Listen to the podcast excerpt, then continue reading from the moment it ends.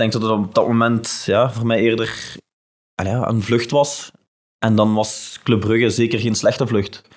Achteraf gezien, ja, heel naïef, maar ik heb dat allemaal enorm onderschat.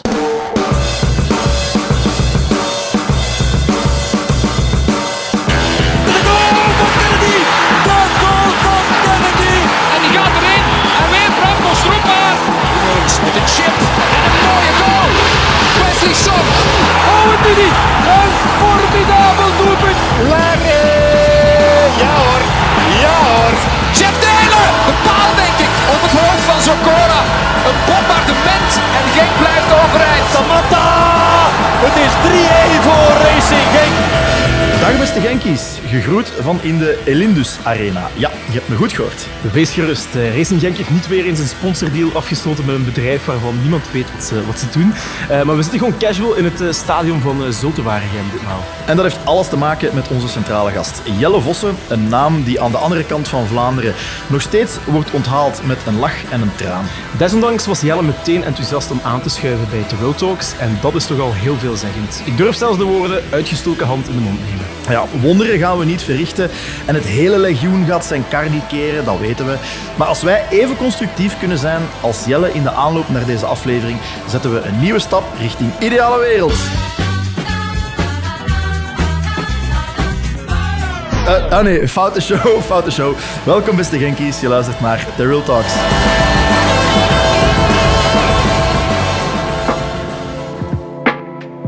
Ze bieden we een copyright strike van de VRT. Nee, dat, gaan we, dat gaan we niet riskeren. Ik Nee. zou zeggen, welkom Jelle. Dankjewel. Eh, Ik begin altijd met de standaardvraag. Heb je ooit al eens in een podcast gezeten?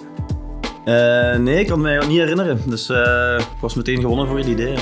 Ja, inderdaad. Misschien eventjes eh, terugblikken op, eh, op de voorbije speeldag, Jelle. Eh 2-0 verloren op het veld van, van AA Gent. Hoe heb je die wedstrijd beleefd? Frustrerend? Of, heel frustrerend, ja. Ik denk dat we in de hele wedstrijd tot geen enkele kans zijn gekomen. Dus ehm, ja, als aanvaller is dat, is dat heel frustrerend. En, als je zelf ja, drie kansen mist of zo, dan kun je boos zijn op jezelf. Maar we, ja, we kwamen gewoon zelfs niet aan kansen. Dus we verdienen niet meer dan, eh, dan die nederlaag.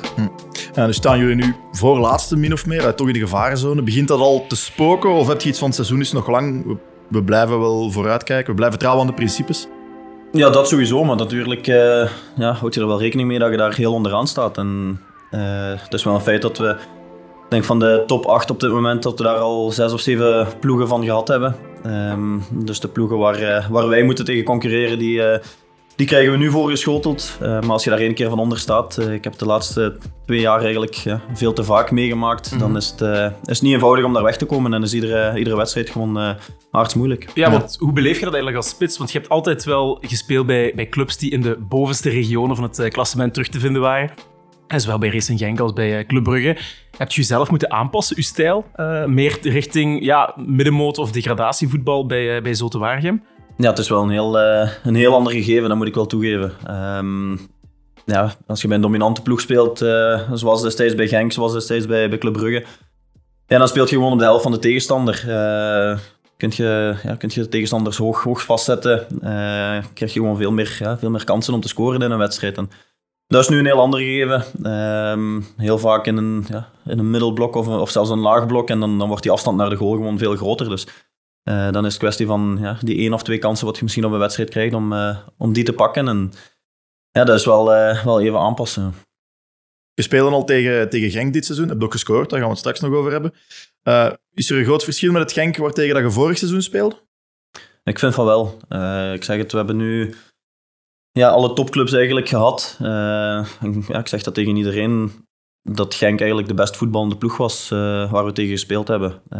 We zijn op, op Brugge een, een punt gaan pakken. Eh, op Antwerpen vond ik dat we meer verdienden dan die 1-0 1-0 nederlaag. Ehm, maar tegen Genk hadden we, ja, hadden we helemaal niks, eh, niks te rapen. En ze speelden gewoon heel, heel fris, heel, eh, ja, heel leuk voetbal met heel veel beweging. eh, technisch ja, is er gewoon heel veel kwaliteit in die ploeg. En eh, ja, het is natuurlijk al wel enkele, enkele weken geleden. Ik denk dat ja, als ik Club Brugge gisteren bezig zag, dat dat ook wel heel, heel sterk was.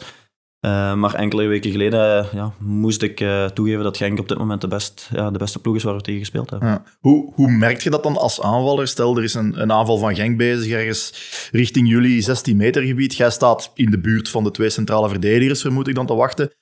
Ziet je die dan soms spelen en denk je dan van, godverdekke, wat is dit allemaal? Of, of Oh ja, het- heb je niet die tijd voor die emoties in, in, een, in een wedstrijd? Ja, nee, als je in de wedstrijd zit, dan, dan kijk je daar anders naar. En dan, dan ben je eigenlijk bezig met, ja, met een beetje positie kiezen. eh, voor als we de bal zouden heroveren, die dingen. Ehm, maar ik kan, kan ook wel genieten van, ja, van mooi voetbal. Eh, maakt niet uit tegen welke ploeg ik dan speel.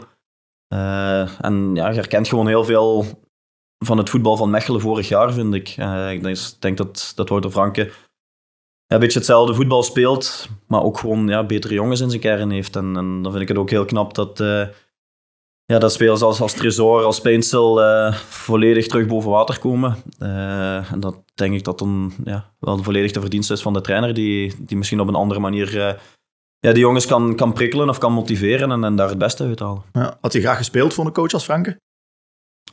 Ja, ik denk dat, ja, dat Wouter een fantastisch eh, parcours heeft afgelegd tot nu toe. Als je ziet waar hij begonnen is, de stappen die hij gezet heeft. ehm, en overal met, ja, met, met leuk en fris voetbal. Ehm, dus ik denk dat dat eh, ja, wel een plezante trainer is om voor te spelen. Als je dat kunt combineren met, eh, met een goede sfeer in de kleedkamer, waar ik toch ook positieve dingen van hoor, dat hij, dat hij echt wel een groep kan smeden, dan denk dat het heel leuk voetballen moet zijn onder Wouter Franke. Het is dat. Je scoorde ook eh, tegen Racing Genk, eh, Jelle. Niet de eerste keer eh, sinds je vertrek. Doet je dat nog wel wat? Of, of vlakt dat toch wel wat af naarmate de tijd vordert? Nee, ik denk tegen elke ex-ploeg spelen is speciaal. Ehm, ja, scoren is altijd leuk. ook tegen een ex-ploeg. Of dat nu Genk is of, of Cercle Brugge of Club Brugge. Dat, eh, dat is altijd een leuk gevoel. Eh, niet uit revanche, helemaal niet. Ehm, want het is toch, ja, je hebt een verleden met die ploeg. En dan, dan wil je misschien toch wel extra tonen. Eh, maar op zich, als dat doelpunt niks opbrengt, dan, dan blijf je toch met lege handen achter. En dan ja, ben ik na de wedstrijd ook niet echt de meest gelukkige persoon. Dus ja, ik win liever zo'n wedstrijden en, en dat ik niet scoor dan ja, een beetje een, een eerrijder maken, zeg maar. Vier je meer ingetogen tegen ex-clubs? Stel dat je tegen Club Brugge zou scoren of nog eens tegen ons. Is dat dan iets van, gaat, gaat een beetje intomen of is dat nog steeds zo de, de emotie van het, van het moment van een goal zelf maken, de rush dat eruit komt? Goh, ja, dat is een beetje een, eh, een trend tegenwoordig dat, eh, dat spelers niet scoren tegen een ex-club. En, en ik ben ook eh, van niet, het niet principe... vieren misschien Ja. scoren. Ah, dat is niet scoren, sorry. Ja, sorry. Dat echt, als dat een contract wordt Nee, opgenomen, nee, zou nee. dat hilarisch zijn. Nee, sorry. Ehm, Nee, nee. Maar ik, ik ben wel van oordeel, je moet, ja, je moet die supporters ook niet gaan uitdagen. Maar ik vind wel dat je blij mocht zijn als je scoort voor de club waar je, waar je voor speelt. Ja. Ehm, maar het is niet dat, ja, dat ik daar op voorhand al eh, over zit na te denken van ja, wat ga ik doen als ik een goal maak. Dat, dat is een beetje ja, de emotie van het moment. En dan hangt het er ook vanaf, eh is dat de winning goal in de laatste minuut? Eh, Is dat, eh, ja, als je 3-0 achter staat, maak je de 3-1. Dat zijn allemaal andere gegevens, dus dat is echt eh, ja, op het moment zelf dat, dat die emoties naar boven komen.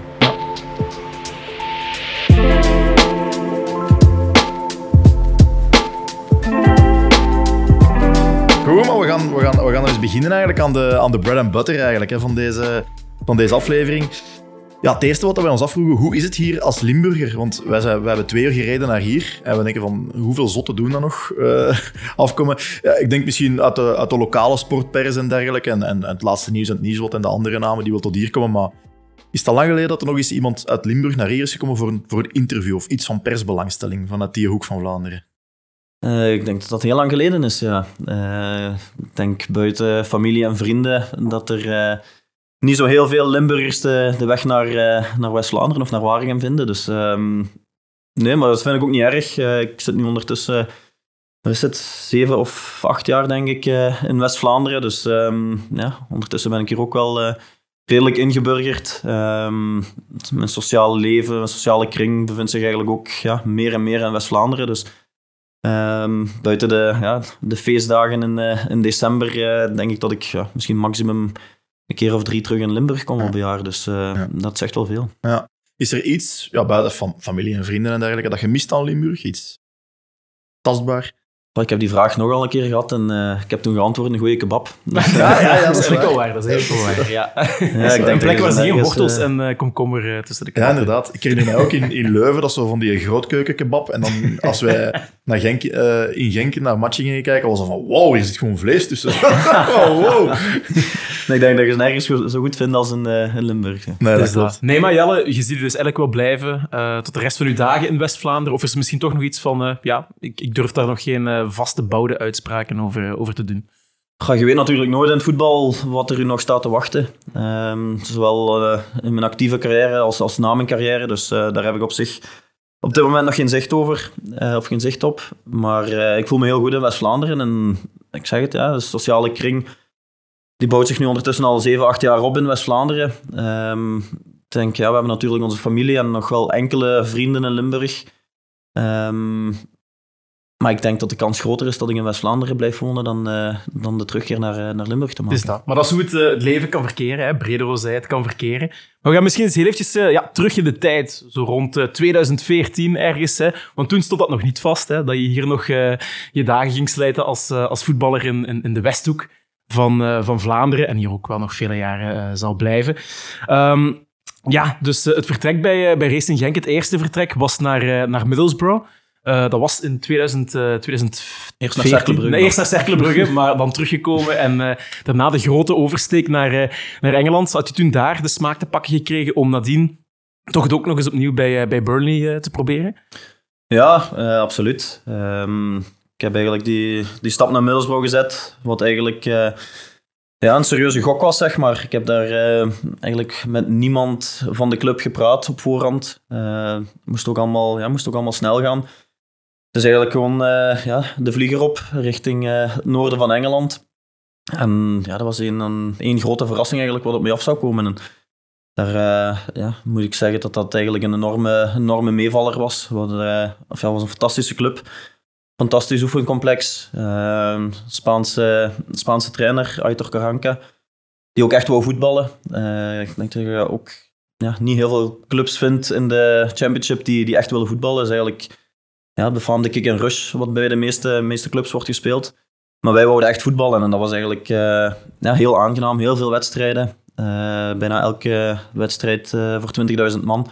Fantastische verplaatsingen. Eh, we zijn voor de beker op Arsenal gaan spelen, op Manchester City gaan winnen, op Liverpool gespeeld. Ehm, en ja, de play-offs gehaald op het einde van het seizoen. Maar dat je nog de kruising raakt, of de lat, ik weet niet. Als het. Ja, eh eerst halve finale tegen Brentford, eh, als ik me niet vergis. En dan de finale, ja, in een volgepakt Wembley tegen, tegen Norwich. ehm, waar zij ja, op de lat schieten in de tegenaanval ja, pak ik een volley. Waar ik eh, op het moment dat hij vertrekt er ja, 99% Gevoel van, ja, zeker van was dat hij, dat hij ging eh, binnenvliegen. Ja. Die strandt dan op de lat en ik denk drie minuten later eh, maakt Norwich 1-0 en dan verliezen die wedstrijd. Dus ehm, ja, daar, daar ging gewoon zoveel vanaf van die wedstrijd. Eh, maar we blijven met lege handen achter en dan ja, moesten we die wedstrijd gewonnen hebben. Dan gingen we naar de Premier League en dan, ja, dan lag mijn toekomst waarschijnlijk nog bij Middlesbrough. Dus eh, van zulke, zulke dingen hangt het, hangt het in het voetbal soms af. En dan eh, ja, ben ik teruggekomen naar Genk. Ehm, maar had ik wel zoiets van, ja, dit, dit smaakt naar meer. dat Ehm, begrijp ik. Want ik weet wel dat eh, de toenmalige co- coach Sir Alex McLeish, die trok wel heel hard aan je mouw om, om te blijven, maar die is er dan toch niet in geslaagd om met zijn Schotse charme u te overtuigen van het Genkse project. Nee, maar ik had voor mezelf uitgemaakt dat ik ja, verder wou gaan op, op dat avontuur in Middlesbrough. En Burnley was een beetje het, ja, hetzelfde verhaal, ook in Championship, maar ook met de ambitie om, eh, om terug te keren naar de Premier League. Dus ehm, in mijn ogen leek me dat eh, ja, een goede stap. Ik heb daar ook, eh, voordat ik tekende, ben ik naar daar gereisd om ja, met de trainer te praten, met ja, mensen van de club te praten, om het complex te bekijken. En ja, daar is de grote fout gebeurd, denk ik. Ehm, Wat was de grote fout? ja, mijn buikgevoel zat niet, zat niet 100% goed. Ja. Ehm, maar je komt daaraan. Ja, je bent een, transferdoelwit, dus je wordt daar in de watten gelegd. Ehm, ja, en dan, dan ja, mee op restaurant. En dan kom je uiteindelijk tot, ja, tot de kwestie van ja, wanneer gaat je handtekening zetten. En dan eh, heb ik mij even ja, teruggetrokken samen met, eh, met mijn vrouw en mijn papa. En gezegd van, ja, wat gaan we doen? Op dat moment was Burnley de, ja, de enige concrete, concrete piste. En dan was het eh, ja, naar Burnley gaan of, of terug naar Genk. En op dat moment ja, wou ik gewoon een stap zetten naar het buitenland. En was Burnley de enige optie. En ja, heb ik me daar eigenlijk tegen mijn buikgevoel een beslissing genomen. En dat is de enige keer in mijn carrière geweest dat ik dat, ik dat heb gedaan. En maar wat was dat buikgevoel dan? Was dat dan eerder iets van, ja goed, ik, ik ga hier niet naar waarde geschat worden? Of was het het uh, type voetbal dat gespeeld werd? Of waar, ja, waar, waar komt het toch vandaan? Dat, uh, het type voetbal, uh, het, ja, ik moet eerlijk zeggen, het stadion... Allez, het zijn nu misschien stomme dingen, maar het stadion sprak me niet geweldig goed aan. Ja. ja, het is zo thuis, hè. je moet er maar altijd in voetballen. Hè. Dus, ja, ja, maar het trainingscomplex was op dat moment... Ja, je zou het niet geloven, denk ik, als je het, uh, als je het gezien zou hebben. Dat was allemaal in, in containers. Dus, onder, ja, dus ondertussen wel hebben ze daar een fantastisch uh, nieuw complex neergezet. Dus dat is allemaal wel veranderd. Maar het gaf me niet dat gevoel wat ik mijn eerste dag bij Middlesbrough wel had. En eigenlijk had ik daar mijn buikgevoel moeten volgen. Maar dat zijn dingen die je alleen maar achteraf weet. En, en daar kun je ook alleen maar achteraf over nadenken van ja, misschien zat mijn buikgevoel toch wel juist en had ik dat moeten volgen. Maar het is heel moeilijk om daar te, allee, terug de vlieger op te stappen en te zeggen van ja, mijn buikgevoel zit niet goed, ik ben terug naar Genk. Dat, dat, ja, dat was heel moeilijk op dat moment. Wat als, wat als je buikgevoel wel had gevolgd, had niet getekend bij Burnley, terug naar Genk. 31 augustus passeert en je vangt het, je vangt nieuwe, het nieuwe seizoen gewoon aan bij, bij KRC. Wat dan? Oh ja, wat dan? dan had ik, uh... Was er een plan B voor het, uh, het seizoen daarop? Of, uh, was nee, dat ja, dan had ik me volledig gegeven voor, voor Racing Genk. Ehm, zoals ik dat ja, denk ik altijd heb gedaan als ik als ik daar onder contract lag. Um, dus ja, wat het dan had gegeven, ja, misschien speelde ik dan nu nog bij, bij Racing Genk, had ik daar misschien heel mijn carrière gespeeld. Ik, ja, dat is, ja, dat is ja, moeilijk, dat is, moeilijk in te schatten natuurlijk. Moeilijk in te schatten.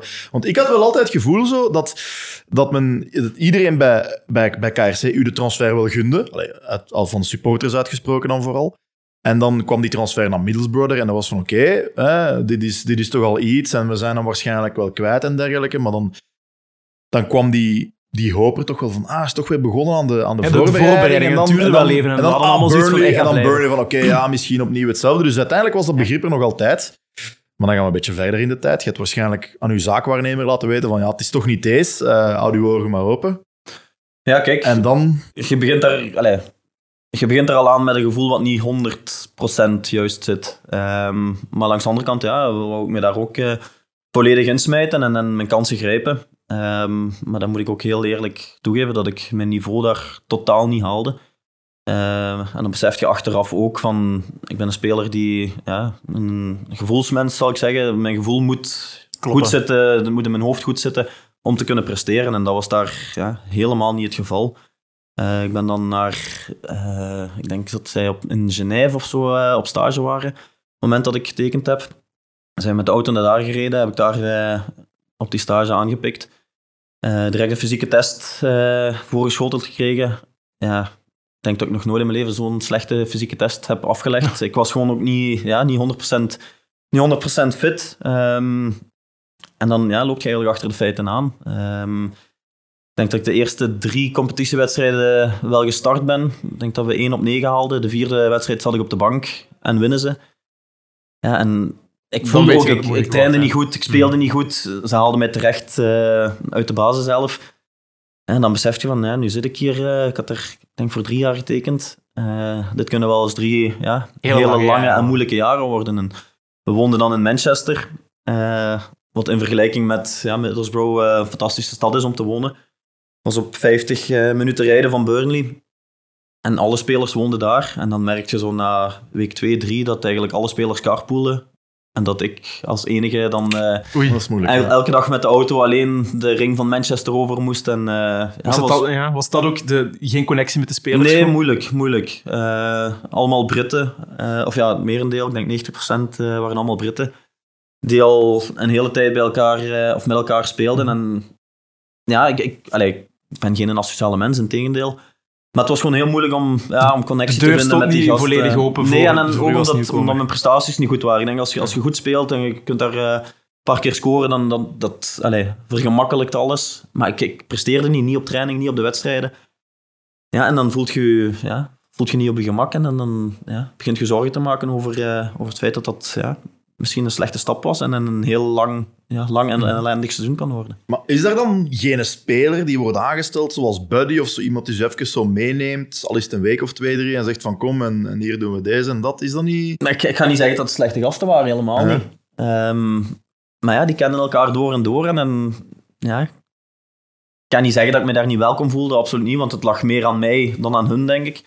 Maar ik, ja, ik had de klik daar niet. Uh, in Middlesbrough waren heel veel nationaliteiten. Er was ook een Nederlander, die, uh, Jannik Wildschut, die uh, op hetzelfde moment tekende als mij. En dat, ja, Schept een band. dat vergemakkelijkt Mhm. misschien wel een beetje die, die integratie.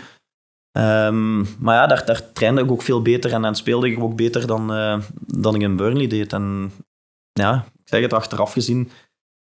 Kun je inderdaad spijt hebben van die keuze. Uh, van die keuze. Um, maar ook dat, dat, is ook dat is voetbal. Hè? Ja, dat is ook voetbal. Ja. Hè? Maar toen kwam uh, de reddingsboei hè, in, de, in de naam van, uh, van Club Brugge. Hoe is dat eigenlijk, ja, dat proces volledig in zijn werk gegaan? Van, van A tot Z. Gids ons daar eens door. De deadline day nadert. Ja, het is allemaal niet zo heel moeilijk. Mm -hmm. Ik heb dat aan mijn makelaar ook aangegeven. Van, ja, het loopt niet gelijk ik wil. ik ben hier niet ja, niet gelukkig. Ik ben hier niet mezelf. Uh, niet de Jelle die ik, die ik normaal ben. Uh, ik heb hem dat een paar keer aangegeven. En dan ik denk dat de, voorlaatste dag uh, van de transferperiode of zo was. belde hij mij op en ik zei van ja, Club Brugge, geïnteresseerd of niet? Heb ik daarover moeten nadenken. Ik had niet veel tijd. Um, ik herinner me dat we met Burnley, wat was het? We hadden een wedstrijd en heb ik mijn, uh, ja, mijn stoute schoenen, zal ik zeggen, aangetrokken. En ben ik na de wedstrijd uh, naar de trainer gestapt en gezegd van, ja, ik kan hier weg, het gaat, uh, gaat hier niet lukken voor mij. En zijn antwoord zei eigenlijk alles. En dat is, was, als we hetzelfde bedrag kunnen krijgen, oh. wat we voor u gegeven hebben, dan ja, is het oké okay voor mij. Veel, respect, dus ja, dat was nog eens ja. de bevestiging voor mij eigenlijk van, Jelle maakt dat hier weg bent. Ja. En dan is het allemaal heel ja, heel snel moeten gaan. Dan um, denk ik dat ze een uh, privéjet hebben gestuurd naar de luchthaven van Leeds of Manchester. De vlieger op. Uh, ja, diezelfde avond nog, uh, nog getekend. Dus um, ja, de perceptie gaat, en dat weet ik bij supporters van Genk, dat het allemaal een constructie was en een opgezet spel. Ik heb dat altijd gezegd, ja, met de hand op mijn hart. Echt, allez, dat zou ik van mijn kant nooit doen. Dat zou Burnley van hun kant ook nooit doen. Ze zouden mij dan zeker ook niet de eerste drie wedstrijden laten spelen. Dat zijn dus, ook zo'n constructies dat je misschien verwacht in het Braziliaanse voetbal of zo. Heel geniepig aan de top. Maar tussen, tussen een tweede klasse in Engeland en, en, en een ploeg in de Jupkes League, allee, die, die nu wel nee, stappen heeft gezet. Hè, maar... Ik heb op dat moment echt dus, ja, aan mezelf moeten denken. En ik had echt geen zin om daar ja, een half jaar of een jaar tegen mijn goesting ongelukkig rond te lopen. Want ik nam dat ook mee naar huis. Uh, ja, mijn vrouw zat daar dan uh, ook de hele dag alleen. Dan kwam ik s'avonds thuis van training. En... Dat je met zo'n laptop op de grond... Ja, uh... ik was echt niet, niet om aan te spreken. Dus uh, ik denk dat dat op, op sportief vlak als op privé, privévlak ja. had dat niet goed gekomen. Nee. Maar dus gezegd, ik heb daarover moeten nadenken. Was er toen die naam veel Club Brugge ergens in u een stemmetje dat zei van oh oh, wat heb ik nu? was, was het ooit een, een dilemma echt? Of was het echt van ik moet hier weg, ik spring hier... Ja, dat sowieso. Um, denk dat het op dat moment ja, voor mij eerder ja, een vlucht was. En dan was Club Brugge zeker geen slechte vlucht. Mm. Uh, ja, Brugge is altijd uh, een van de topclubs geweest, ook in, uh, in België. Maar ik moet ook eerlijk, eerlijk toegeven dat ik ja, op dat moment ook achteraf gezien ja, heel naïef, maar ik heb dat allemaal enorm onderschat. onderschat. Ja. Ik denk ook een beetje dat, dat het de tijdsgeest was. Want ik denk een jaar voor jouw terugkeer eh, kwam, ging de voer naar, naar Anderlecht hè, met heel het, uh, we weten nog allemaal de, de, de beelden van de wansmakelijke tifo in Sclessin. Dus ik denk ook wel een beetje dat dat zo de tijdsgeest was van de controversiële terugkeer. En het stadion stond, uh, stond in vuur en vlam. Maar is dat iets wat je, wat je misschien toen had van je eerste nacht terug in België? Van, mm, dat begon te dagen van, ja, hier kunnen ze misschien in Genk wel eens uh, niet zo tevreden mee zijn. Of heb je daar eigenlijk inderdaad niet zo, niet zo bij stilgestaan? Ja, dat, ik die nacht is eigenlijk voorbij gevlogen. Ik ben dan, ja, met vliegtuig naar België gekomen en uh, ja, die laatste onderhandelingen dan mijn handtekening gezet. Um, en dan is dat s'nachts, denk ik, uh, in de pers gekomen en ik stond s morgens op en ja, ik wist niet wat ik zag. Ik, ja, ik, ik, heb, ik heb misschien de tijd niet gehad om daar echt ja, heel lang bij stil te staan. Natuurlijk wist ik wel van, ja, ik heb allez, heel mijn leven bij van spreken bij, bij Genk gespeeld. En, uh, maar ik had, ik had eerlijk gezegd, ja, niet verwacht dat die reactie zo heftig ging zijn. Niet uh, verwacht, maar begreep je het wel of, of helemaal niet? Langs de ene kant wel, um, maar langs de andere kant. Misschien de manier waarop ook, het geuit wordt of zo. Ja, ja. ja, ja. ik heb allerlei filmpjes gezien en foto's gezien. Uh, die ook wansmakelijk waren. Maar op, allee, los daarvan. ehm, maar op dat moment besefte ik ook van hoe ongelukkig ik me voelde in Burnley. En dat rechtvaardigde voor mij wel de keuze van... Ja, ik, ik moest daar weg. En dit was op dat moment de enige optie ook die ik had. Eh, en natuurlijk, want dat zijn ook altijd verhalen die, die terug boven komen. Ik heb altijd sympathie gehad voor Club Brugge. Dat heb ik ook nooit onder stoelen of banken gestoken. Je komt uit een Club Brugge nest. Uw vader was supporter. Ja, mijn supporter? vader, mijn onk, maar supporter, ja. Passieve supporter ook. Hè. Dat is inderdaad een club waar, eh, waar thuis sympathie voor was. Eh, toen ik ja, 8, 9 jaar was, liep ik ook eh, thuis rond met, met truitjes van, van Club Brugge. Dat is dan inderdaad helemaal overge, overgehaald naar Racing Genk, eh, die periode dat ik daar gespeeld heb. Maar uiteindelijk, als dan de keuze komt om te vluchten, als we het zo te noemen, uit Burnley, en Club Brugge komt, ja, dan is het ook... Allee, Het is een sympathieke vlucht. ja, Eh, ja, inderdaad. En ik, ik nogmaals, ik, allee, ik kwam uit die periode waarin ik me echt heel slecht voelde, helemaal ja, niet gelukkig was. En dan leek mij dat wel een goede reddingsboei. Het doel heiligt de middelen. Ja, ja, ik moest op dat moment aan mezelf denken. Ja, Omdat, ja. ik, ja, nogmaals, zowel privé als, eh, als sportief, ja, had ik daar heel diep kunnen vallen, denk ik. Eh, als je daar een half jaar of een jaar niet aan spelen toekomt, hypothekeert je, eh, hypothekeert je carrière ook. Dus op dat moment ja, heb ik aan mezelf moeten denken. En iedereen mag daar absoluut zijn mening over hebben. Maar ik denk dat mensen me beter zouden begrijpen als ze ja, zouden, zouden beseffen hoe ik me daar gevoeld heb. Want dat was echt, ja, echt niet leuk. Echt niet leuk. Vond je het zelf frustrerend? Hè? Het begon na je aanstelling eh, als speler van Club Brugge. Dat je ook vaak, en dat, ook journalisten stelden die eh, vraag vaak, dat er toch verwezen werd naar je verleden als ja, al dan niet clubsupporter en dergelijke. Vond je je soms gecornerd met die vraag? Vond je dat die van, ja, die doet er eigenlijk niet toe? Eh, of hoe heb je dat verteerd? Maar ja, clubsupporter is ook Ja, een heel groot woord. Ik denk dat ik in mijn jeugdjaren naar één wedstrijd van Club Brugge ben gaan kijken. Eh, dus pff, ik had inderdaad sympathie voor, voor Club Brugge. Ehm, Maar ik bedoel, gewoon, vond je de vervelende vraag ja, die dat is vervelend. Ja. Eh, maar ja, dat, dat schrijft mooi in de pers zeker. Eh, dat, eh, Er stond zelfs een quote, ik ben bij de club van mijn hart, of dit voelt als thuiskomen, of wat was het? Ja.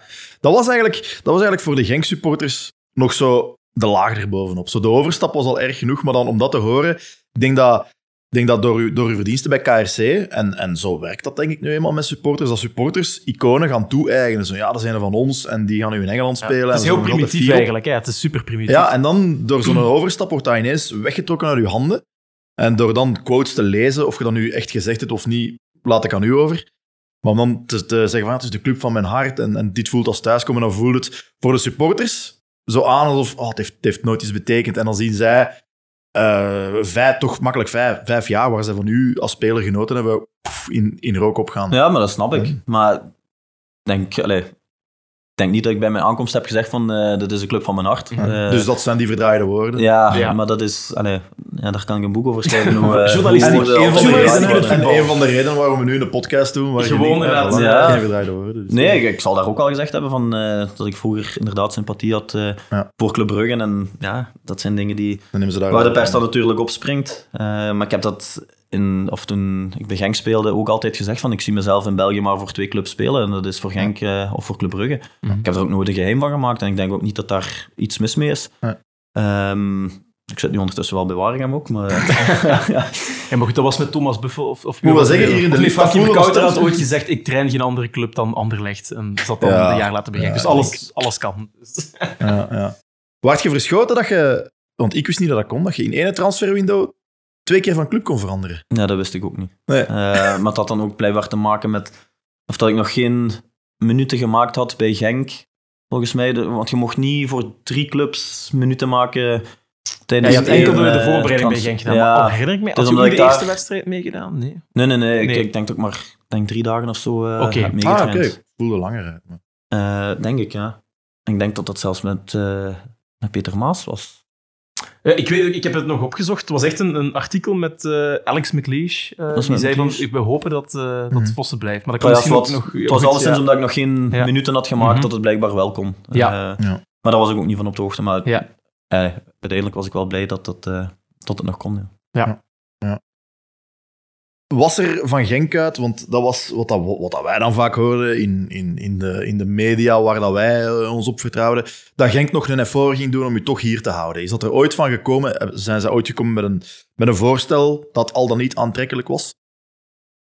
Hebben ze er echt alles aan gedaan, zeg maar, zullen we, zullen we dat zeggen? Ehm, ik ben van mening dat ze meer hadden kunnen doen in die Ja. tijd. Maar dat, ja, dat is ook allemaal ja, het verleden. En, en ik, ik heb ook geen zin om daar allee, altijd weer op terug te komen. En, Mhm. en, maar we- ik heb een moeilijke tijd gehad in Genk. Ehm, we hebben heel mooie jaren gehad, maar de jaren waarin ik eigenlijk echt wou vertrekken, waren ook niet meer van hetzelfde niveau in het, in het algemeen als, eh, als de jaren daarvoor. Ja, het rommelde toen ook wel in de, in de kleedkamer. Ja, hè. ja. ehm, ik, was, ja. Ik was kapitein op dat moment en ik denk dat de verkeerde jongens de bovenhand hadden in de kleedkamer. ehm, waar niks, of waar niet eigenlijk, of ja, waar tegen opgetreden. En daar had ik het, ja, had ik het moeilijk mee. Eh, ik ben ja, groot geworden bij Racing Genk, eh, in de jeugdopleiding bij de belofte. Heel veel ja, normen en waarden, heel veel respect voor iedereen, voor elkaar. En dat miste ik op dat moment in de, ja, in de kleedkamer, in de club. En ik had het gevoel dat daar niet echt eh, verandering in zat te komen. Dus dat heeft mijn, eh, ja, mijn goesting om te vertrekken wel, eh, wel heel groot gemaakt. Dus echt het, het verlies van het gevoel, ja, ik, ik zit hier niet meer gewoon effectief ja, ingebed tussen, Hmm. tussen leuke spelers. Ja, ik kan me wel voorstellen dat dat ook gewoon een pushfactor is, gewoon om het, het te Ja, en dan, dan kom je eigenlijk terug op het, hetgeen wat Mhm. ik daarnet vertelde. Ik moet mij goed voelen om... Beetje Burnley, Ja, ja, op een ja, andere manier. op een andere manier. ja. Maar dat was inderdaad niet meer het, ja, niet meer het Genk wat ik de jaren daarvoor had, eh, had gekend. En, en ja, ik vond dat heel, heel jammer. En dan bleven de resultaten ook, eh, ook uit. Eh, ja, kwam ik zelf ook aan mindere, mindere statistieken. Dus ja, dan begint je alles een beetje naast elkaar te leggen. En dan, ja, dan werd die drang om, eh, om een stap te zetten wel eh, alsmaar groter. Je wordt kapitein op dat moment. Miste je slagkracht of miste je mensen die, die mee achter u stonden om het probleem aan te pakken? Want ik kan me wel inbeelden dat je als kapitein in een club, en vooral als Jelle Vossen toen bij KRC, dat je wel wat, wel wat hoe, moet- hoe, moet- hoe moet ik het zeggen, wel wat waves kunt maken. Ja, eh, Ja, of denken we dat? Ik weet het niet. Ja.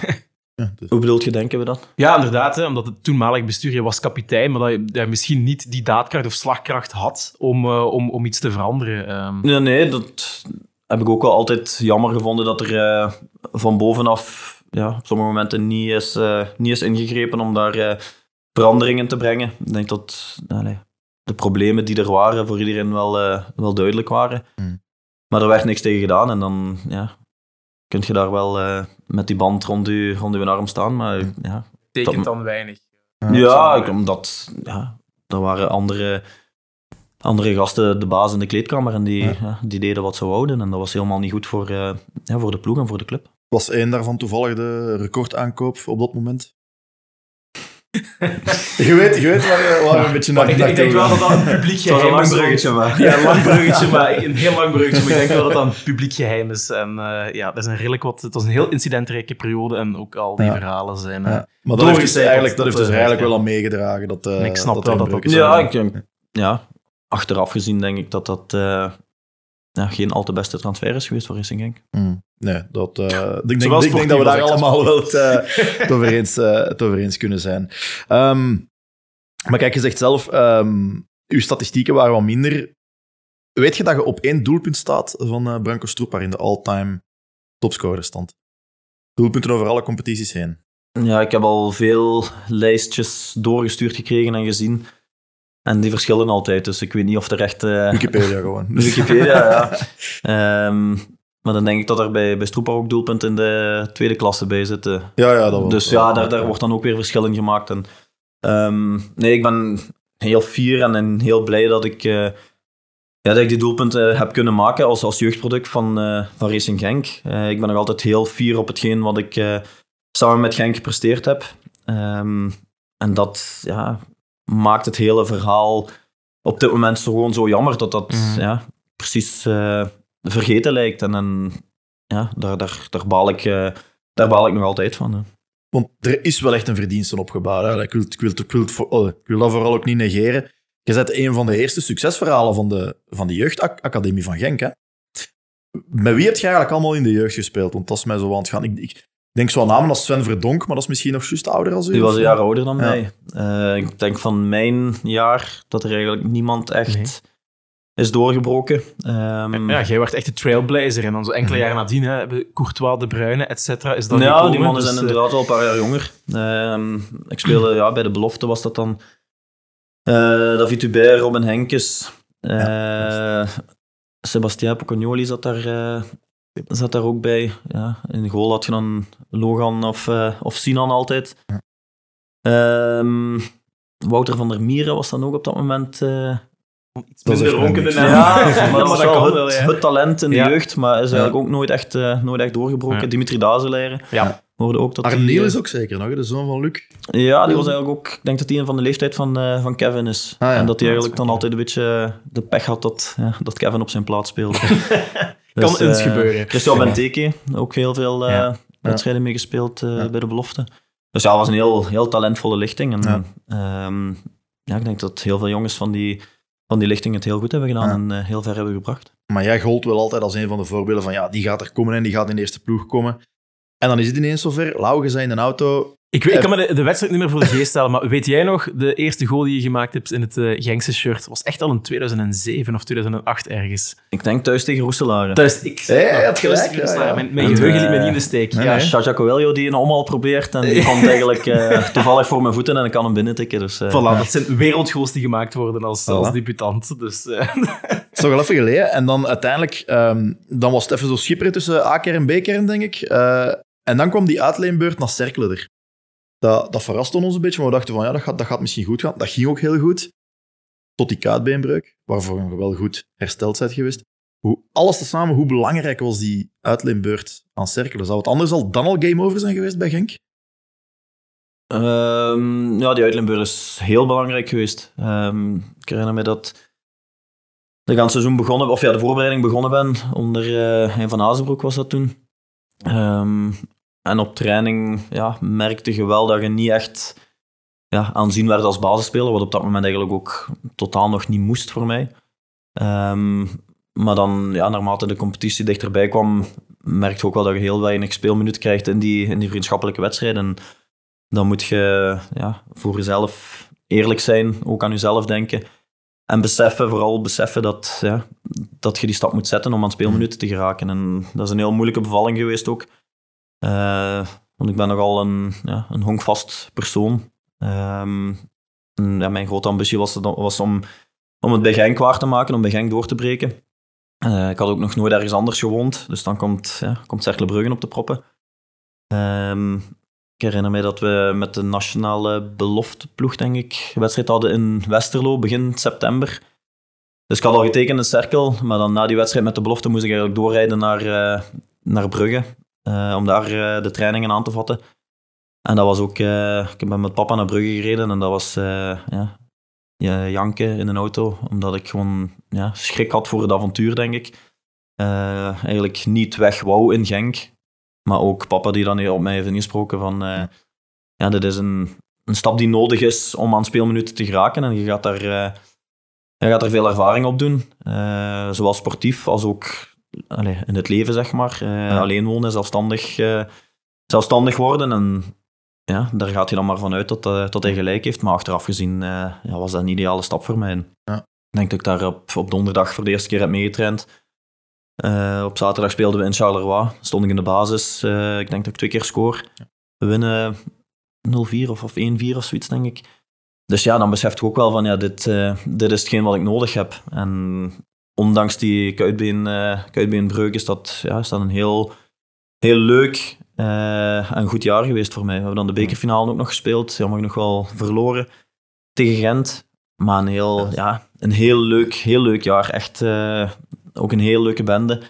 Met allee, Bernd Evers, Tony Sergeant, Arnar Vidarsson, Bram Verbiest. Maar, Ja. Ja, fantastische. Ja, ik ja. heb me daar heel goed geamuseerd. Eh, en ik kwam aan het spelen toe. Dus ja. dat was voor mij op dat moment de nodige stap. En dan loopt die uitleenbeurt af, komt je terug naar Genk met, met nieuwe moed. Eh, Ja. Je begint aan de voorbereiding. Ehm, Frank Verkouteren. Ik weet niet, hoe was de eerste indruk? We hebben een, ik denk dat ik na het jaar bij Cerkel had ik nog één jaar contract bij Genk. Dus ja, dan weet je dat er een keuze moet gemaakt worden. Hè, van, eh, gaan ze mij nu eh, proberen van de hand te doen of is er toch nog een toekomst voor mij bij Genk? En ja, ik had dan gespeeld bij Cerkel. Dus ja, je wilde ook niet gewoon weer een jaar ergens op de bank gaan zitten. Ehm, maar we hebben dan een afspraak eh, gevraagd met, met Frankie Verkouteren. Eh, ik denk dat dat na een thuiswedstrijd van Genk, het zal in de play-offs of zo geweest zijn zeker, tegen, tegen Standaard, bij Frankie op, eh, op de bureau. En ja, na dat gesprek was het heel duidelijk voor mij dat ik, dat ik mijn kans zou, ja, zou wagen bij, bij Genk. Eh, hij heeft me helemaal overtuigd dat hij ja, een type van mij altijd in zijn kern wil hebben. Dat hij mij geen speelminuten kan of wil garanderen, maar dat ik ja, mezelf moest, moest bewijzen op training. Eh, maar dat was een heel positief gesprek. En dan eh, ja, ben ik die voorbereiding begonnen. Eerste thuiswedstrijd tegen Beerschot. Ik denk dat... Was het Barda of Marvin? Ik denk Marvin was geschorst. Dus ik stond in de basis. Ja. we winnen 2-1 en ik scoor twee keer. En ja, was de trein eigenlijk eh, heel snel Ja, vertrokken. dat was echt een blitstart. Maar ook in de wedstrijden nadien, eh ja, Ja, ik denk dat ik er toen kanon, eh, 13, 13 heb gemaakt in 9 wedstrijden of Ja, zo. Dus ja, dat was wacht echt, even ja. eh, bij de vijf meest efficiënte spitsen van Europa toen dat jaar. Ja, dat kan wel. Officieel. Ook een lijstje weer. Maar dat was waanzinnig. Ja. Iedere bal dat ik aanraakte, ja, ik moest daar niet over nadenken. Ik Ja. schoot gewoon naar de goal en die ging binnen. Dat was echt... eh, Weet je dat er onder de supporters zo een, een, een, een begrip bestaat als een typische Vossengoal? Weet jij wat een typische Vossengoal is? Allee, of, ik heb een vermoeden, ja. Ja? Een voorzet van rechts zeker, eh, die ik in één tijd... Wacht, voor, voor mij is de typische Vossengoal de goal die Ja. je scoorde thuis tegen Leverkusen. Ja. Ja. Dat was de typische. ja. Dat is waarschijnlijk dezelfde als die, want toen bij mij het begrip Vo- Vossengoal toen in mijn hoofd schoot, was een goal thuis tegen Kortrijk. Eh allee, pakt van op, van op rechts, lage voorzet, 45 graden, en Ja. dan gewoon uw voet openzetten en dan krullen.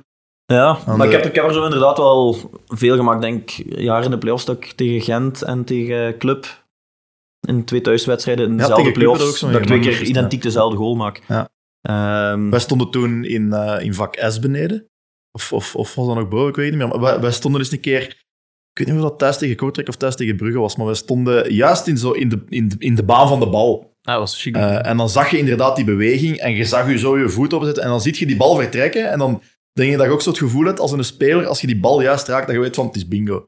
En, eh, je zag dat. En, en toen was dat inderdaad, ja, dat is een echte Vossengoal en dan is dat Ja. begonnen. Oké, Dus- Ja, maar zo heb ik er inderdaad wel veel gemaakt. En dat is ook het leuke om achter in een diepe spits te spelen eigenlijk. Die spits trekt die verdedigers mee. Ja. Ik haak dan af. En als die bal goed komt, ja, dat is een bal die ik heel graag, eh, heel graag verwerk. Dus daar heb ik inderdaad eh, ja, veel kunnen maken. Veel op geoefend ook dan, of, of was dat iets natuurlijk? Ja, nee, ik trainde daar wel veel, eh, veel extra op. Ja. Ehm, na training heel veel, ja, ook met, met Pierre, eh, met Hans Visser in der tijd ook. ja, gewoon na training een half uurtje nog, nog wat extra afwerken. En die oefeningen zaten er, zaten er altijd wel bij. En dan, op den duur wordt dat een beetje een automatisme. Ja, en dan ja, het seizoen dat blijft nog bollen. Ik herinner me nog die play-offs. Dat moesten van de, allee, we zijn er echt wel een paar keer... Door het oog van de naald, niemand heeft een paar keer niet veel gescheeld. Hè. De comeback op, eh, op Gent. Ja. Ehm, dat we dan op Loker, ik denk de, de, de, de, de laatste wedstrijd van de reguliere competitie, dat we nog gelijk spelen of zo. Dat was een beetje twijfel. Dan op Loker in de, in de, in de play-offs meteen, want Loker was toen ook wel, wel Mhm. vrij degelijk. Eh, en dan komt die thuismatch tegen Standaard. Hoe heb je... Ja, hoe leeft je daar naartoe? Is dat echt, probeert je te zijn of zijn de afleidingen legio? Ja, er zijn veel afleidingen, hè, dat sowieso. Eh, ik woonde op eh 20 minuutjes van, eh, van Genk en, je merkt gewoon dat ja, heel uw nabije omgeving met die, met die wedstrijd bezig is. En heel, veel, heel veel mensen die dan ook voor tickets vragen en je probeert dat ja, voor iedereen ook allemaal in orde te brengen. Dus je hebt eigenlijk heel veel zaken aan je hoofd. Ehm, maar die wedstrijd op zich, eh, ja, je kunt het niet schoner schrijven natuurlijk. Eh, Het is, Eigenlijk- ja, het, het is misschien voor de, de mensen die het niet weten, is momenteel nog beschikbaar de laatste 20 minuten op YouTube met Spaanstalige commentaar. Equipo Dus heb ik. Je krijgt dus je echt het gevoel alsof je de Copa del Rey tussen, eh, tussen eh, ja, Atlet- Atletiek Bilbao versus eh, Real Madrid aan het bekijken zit. Dus dat geeft het wat extra dimensie. En dus, ik kijk dat nog heel vaak terug en ik zie gewoon de ontlading op je gezicht. Ehm, je wordt heel goed in beeld gebracht. Na het einde van het fluitsignaal, dat je gewoon op je knieën neervalt, gebalde vuist en dan een keer op de grond Ja. klopt. Wat gaat er dan door je heen, Jelle? Goh ja, dat is gewoon hetgeen waar je eigenlijk altijd van gedroomd hebt eh, vanaf het moment dat ik voor Genk eh, ben beginnen spelen. En de eerste jaren bij de jeugd allee, had ik nog niet echt de ambitie of, of het besef van ik kan hier doorgroeien naar de eerste ploeg, dan, dan, ja, dan amuseert je eigenlijk. En dan was ik ieder jaar blij dat ik eh, door de evaluatie geraakte, dat ik nog een jaar, nog een jaar extra mocht blijven. Maar naarmate je ja, bij, de, bij de U16 hebben we dan een fantastisch jaar gehad. Dan maak je de stap naar de belofte. Daar ging het eigenlijk ook allemaal heel, eh, heel vlot.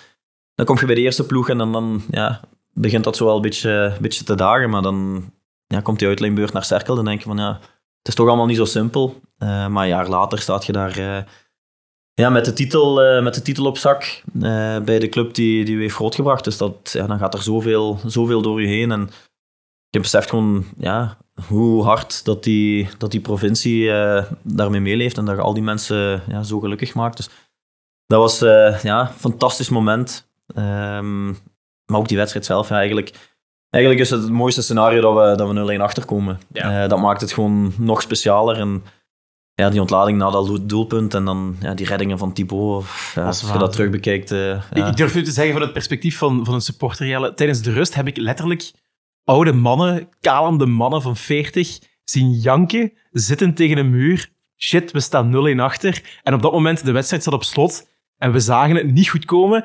Ik heb echt mannen van 50 gehurkt zien janken in, in de gang. Het was echt een, een ongelooflijk beeld. Ik vind, eh, ze zouden dat moeten portretteren. Ja. Ja. en dan die ontlading was natuurlijk... eh, Dan heeft iedereen gejankt, denk ik. Ja. Eh, dat was bij ons ook. Hè. Ja. Je gaat er met 0-1 eh, de rust in en dan ja, in je achterhoofd. eh wat wat wordt er dan in de kleedkamer gezegd op zo'n moment? Want dat is toch... goh, ik Je komt niet tot kansen. Het is, het Ja, maar vast. Frankie hamerde altijd op eh, ja, gewoon je taken doen. We wisten allemaal... ja, Dat is gemakkelijk. nee, maar hij zei dat altijd... eh, Ja. Focus on your task, not on the result. En ja, ik denk dat hij dat in die wedstrijd ook, ook gezegd heeft. Van, we weten wat we moeten doen als wij gewoon allemaal de opdrachten allee, uitvoeren die, die we moeten doen. Dan eh, komen die resultaten wel. Ehm, en dat, ja, dat is dan uiteindelijk ook gebleken. Je moet daar natuurlijk altijd wel wat, ja, wat geluk mee hebben. Ehm, maar inderdaad, ja, in de rust kruipt dat ook in je achterhoofd. Hè, van, ja, wat als standaard hier vandaag op ons plein een eh, volgepakt stadion die titel kan pakken. Ja, dat, dat, ja, je mocht er niet aan denken, maar automatisch zit dat, zit Ja. dat ergens vanaf Voor, voor mij als supporter was het heel moeilijk om mij voor te stellen wat de stress geweest zou moeten zijn bij jullie. Want ja, wij konden het enkel maar gadeslaan, er niks aan veranderen, een pintje bier drinken. Maar ja, jullie moesten het wel nog realiseren. Dus Ja, dat brengt wel ongelooflijke stress teweeg. Ik heb dat ook vaak als ik, eh, als ik een wedstrijd op tribune moet volgen, heb ik veel meer stress dan Oké, dat ik ja. op het plein sta. Dus je zit in een heel andere, heel Mhm. andere vibe. Dus ik denk dat dat bij ons nog allee, redelijk meeviel. Maar natuurlijk, die ontlading eh, na dat doelpunt. En dan denk ik dat ik toen ook nog, eh, ik denk dat we met, ja, met drie spitsen op plein stonden eh, om, om dat doelpunt te forceren. Ik ben dan nog gewisseld geweest door Natson, denk Ja, ik, om wat meer Om de boel, defensief de evenwicht te te krijgen in de ploeg. En ja, dan, dan moet je ook allee, het geluk of, of de kwaliteit van, van Thibaut hebben om, ja, om, om die, of dat offensief van standaard te doorstaan. En Ja. Dan eh, hadden we de, het geluk dat, ja, dat Thibaut eh, die wedstrijd niet te passeren was. hè.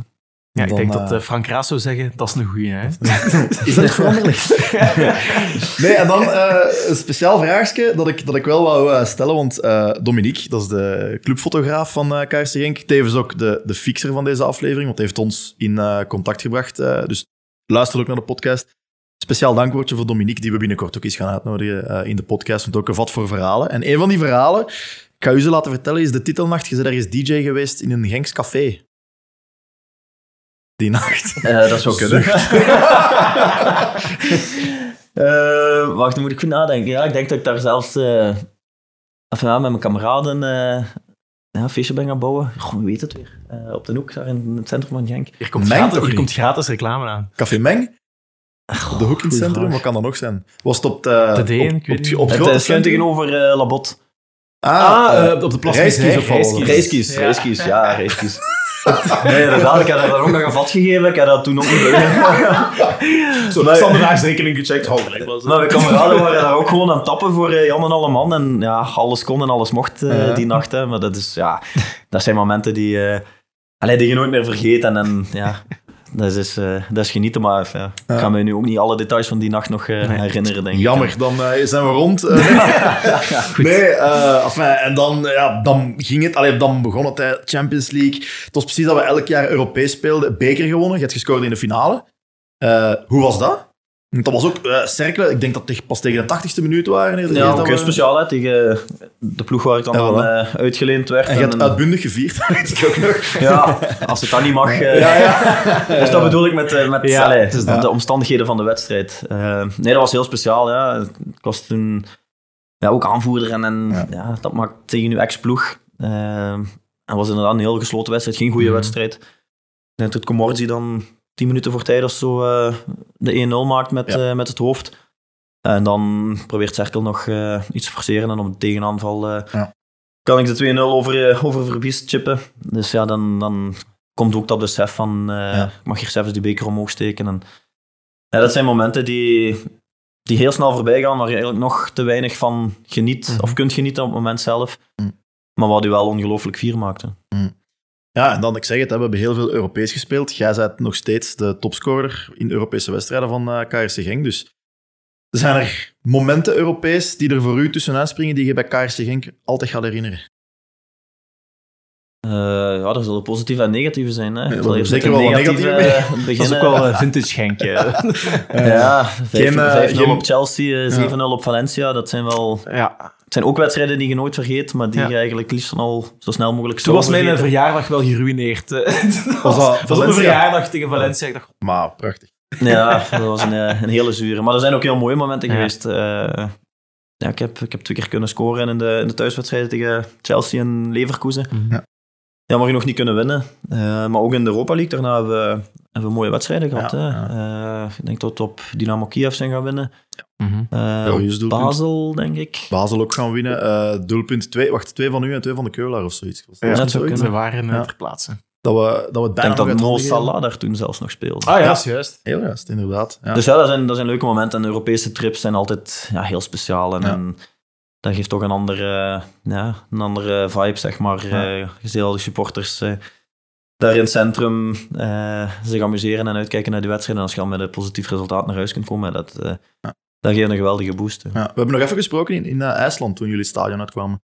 We waren een van de 50 die daar waren. In Hafnarfjordur. in Hafnarfjordur. en we waren een praatje aan doen met Mario Been. En dan kwam je er heel even bij staan en dan door. En ah, wij natuurlijk starstruck. Dat, uh... dat ik bij Mario Been stond. ja, ja, ja, ja. nee, het is Niks meer van te zeggen. Niks meer van te zeggen, inderdaad. Anyway. Nee, goed. Ja. Doe maar. Allee, ik, nee, het is dat. Ik was even on a flow. On, on a flow, nee, inderdaad. Maar goed, je hebben het eerste hoofdstuk al, uh, al behandeld. Hè, daarna de Europese triomfen met Racing Genk. En daarna ook de mooie transfer onder meer naar Middlesbrough. En de tifo die ooit voor Jelle werd gemaakt. Ah ja, dat is Our captain, our leader.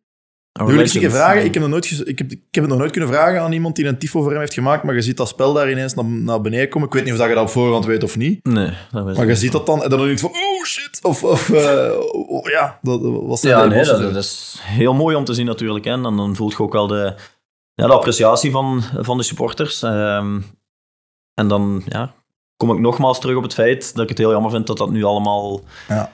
in het niets verdwenen is, zeg maar. Dus uh, ja. dat, ja. Uh, ja, ik vind het, ja, ik vind het heel jammer. Ik, allee, nogmaals, ik ga hier zeker niet op mijn knieën zitten om, uh, nee, om, om allee, mensen van gedachten doen veranderen of zo. Um, maar ik heb, ja, nooit, de voorzitter heeft me ook ooit aangesproken van ja, we moeten er ergens iets aan, aan doen. Ja om die, uh, die plooien glad te strijken. En ik zeg het, ik heb absoluut... Allee, wat stelt, wat stelt hij, hij, dan voor of zo? Of ja, dat weet ik niet. Ja, ja, geen idee. maar ik, ja, van mijn kant heb ik absoluut geen probleem. Bruno of zo. Ja. nee, maar ik heb geen enkel probleem met, met Racing Genk, in tegendeel. Nee. Um, ik, uh, ja, gelijk jij daar straks zei, ik heb mijn hand altijd uitgestoken en ik, ik ben ook een een positief ingesteld persoon en ik koesterde heel mooie momenten. En ja, hetgeen wat er nu de, de, laatste tijd allemaal gebeurt of te horen is, ja, daar, uh, ja, daar leg ik mij bij. Dat is enkel jammer. Is, is dat nog steeds... Voelt je nog steeds die rancune? Allee, je hebt, je hebt gescoord tegen ons uh, een paar weken geleden. Uh, werden er dingen geroepen die je kon horen? Of, of... Ja, tuurlijk hoort je wel wat er geroepen ja, en gezongen. Toch, ja, ja, tuurlijk. Ja, je hoort dat wel. Um, maar het is, het is aan mij om daar ja, sereen mee om te gaan. En, en mm -hmm. ik denk als ik daarop zou moeten ingaan, dat het, dat het helemaal escaleert. Dus nogmaals, ik heb respect voor iedereen, voor iedereen zijn mening. Um, denk dat ik allee, heel eerlijk eh, heb proberen uit te leggen hoe het allemaal in zijn werk is gegaan. En als mensen daar geen vrede mee nemen, ja, dan Ja. is dat een goed recht. Dus, eh, ja. Maar misschien eh, de wedstrijd met het scherpste randje, natuurlijk. Hè, want nu, hè, het, eh, het wordt steeds... wel- Het vlakt wel wat af, uiteindelijk. Hè, en die gezangen die nemen ook wel, wel wat af. Maar de match met het scherpste randje was daar ergens in 2015, denk ik. Ik was er aanwezig in het stadion, denk ik. Jij ook. Eh Club Brugge Racing. De allereerste keer eh, tegen uw oude liefde spelen. eh, met uw, ook uw oude liefde misschien ook wel. Maar in het blauw-zwarte eh tenue. Ja, hoe heb je die wedstrijd beleefd? Dat moet toch wel, als je voordien in de kleedkamer eh, gezeten hebben, moeten er toch wel redelijk wat zaken door je hoofd zijn eh, rondgegaan. Ja, eh, absoluut. Ik probeerde die wedstrijd eh, ja, een beetje op voorhand, allee, op voorhand al te spelen in je hoofd en, en wat er van externe factoren zou kunnen Ja. bijkomen. Ehm, maar ik herinner me ook hè, dat, we, dat we buiten kwamen en dat het eigenlijk, ja, ik dacht toen nog van, amai, dat valt hier eigenlijk nog, eh, nog redelijk goed mee. Tot in de, in de negende minuut. Ah ja, dat juist. Dat was in de negende minuut dat dat... eh, Had je direct door wat er aan het gebeuren was? Want eh, iedereen houdt zo'n papier. Ja, nee, van op afstand ziet je dat niet. Dat is Nee. achteraf geweest dat ik dat eh, op beelden en zo heb gezien. eh, dat, er, ja, dat er foto's van mij in brand werden gestoken. Maar je zat wel in de match en ineens hoort je, oei, daar gebeurt van alles. Ja, dan wist je van, het is van... Daar kwamen ook eh, ja, gezangen mijn richting uit. eh, maar ja, nogmaals, de eerste acht minuten dacht ik van... eh, dat ja, nog... ja, het valt eigenlijk reuze goed mee. Eh, maar ja dat, ja, dat maakt die wedstrijd wel, Ja. wel heel speciaal natuurlijk. Maar voor jou wel het droomscenario, denk ik dan. Want je scoort dan weer de winnende treffer. Eh, je had bijna je hand gebroken wel. Ik heb mijn hand dus gebroken. Je hebt effectief je hand gebroken. Dan mocht je me wel eens zeggen, ja, wat gaat er op zo'n moment doorheen? Je scoort natuurlijk eerst die lading. Het kleine vijfjarige kind dat gewoon blij is om een goal te scoren. Maar wat gaat er dan allemaal doorheen? Het, het, het kloppen op, Ja, de, op de is- barricades. Frustratie. Ja, frustratie. Ja. Ehm, ja, dan kom, kom ik weer terug bij het feit dat ik het misschien allemaal ja, wat onderschat had. Mhm. Er zijn heel, heel heftige reacties gekomen. Eh, ook tijdens die wedstrijd zijn er dan ja, spreekwoorden eh, mijn richting uitgekomen. Ja, en dan scoort je en dan ja, is dat eigenlijk ja, puur uit frustratie dat ik daar op die, op die ledboarding eh, Mhm. geslaan heb. En ik had Ja. inderdaad eh coach in mijn vinger gebroken, dus ik heb dan... denk zes weken met een brace moeten, moeten rondlopen. Wat een mooie dus- herinnering aan de dus- wedstrijd. Ja, dat is dus de en ik enige- achteraf ook van, ja, De enige ik- troost die wij als supporters hebben. Ja. Want dat, dat illustreert hoe machteloos je als supporter staat in, in zo'n verhaal. En dat je waarschijnlijk na, naast uw emoties die je had in Burley en dergelijke, dat je als supporter ook van, van het Walhalla bijna naar, naar de hel wordt gesmeten. En je staat er gewoon volledig machteloos in. En Mhm. dat toont nog maar eens van hoe weinig dat je... ah, want je, je maakt die goal dan lik op Ja, stuk. Het, het, was wel, het was wel stevig, lik op stuk. Want op zo'n moment voelt je als supporter in zo'n hoekje heel klein. En natuurlijk in een juichend Jan Breidel. Dus ja, het is eh, Ja. opnieuw. Ja. Want Ja. je- Maakt heb- het voetbal ook weer zo mooi, zeker? Ik heb, Nee, dat, dat- eh, het maakt veel los bij de mensen. En het is gelijk gezegd, je gaat van de ene emotie in de andere. Ja. En, en Ja. Dat, ja, dat geldt voor iedereen. Zo. Ter voorbereiding heb ik, mij nog eens, eh, heb ik mezelf gemarteld door eh, dat doelpunt nog eens te bekijken. Ehm je maakt dat doelpunt eh, en je vierde eerst niet. Weet je dat nog? Ja, ik denk niet dat ik gevierd heb op dat Nee, moment. Ik je, je vierde eh, eerst niet, want je stond gewoon, je keek wel naar, naar de supporters achter het doel daar bij, Club. Ik keek heel boos. eh. Je keek, ja, je keek vrij neutraal en ineens vertrok je gezicht toch wel en dan heb je, oh, je deed, je waren aan, aan het vieren, zo'n beetje aan het bibberen met je vuist en dan ineens slaagt je toch op die, op die boarding Mhm. en dan toch een zo, frustratie in toch de zo tweede het, het vuistgebaar naar de, naar de clubfans toe. Het was zo- het was zo'n hele aparte viering. Dat is zo, dat is zo in dat ik nooit van mijn netvlies ga kunnen, ga kunnen branden. Ja, maar dat is... Ja.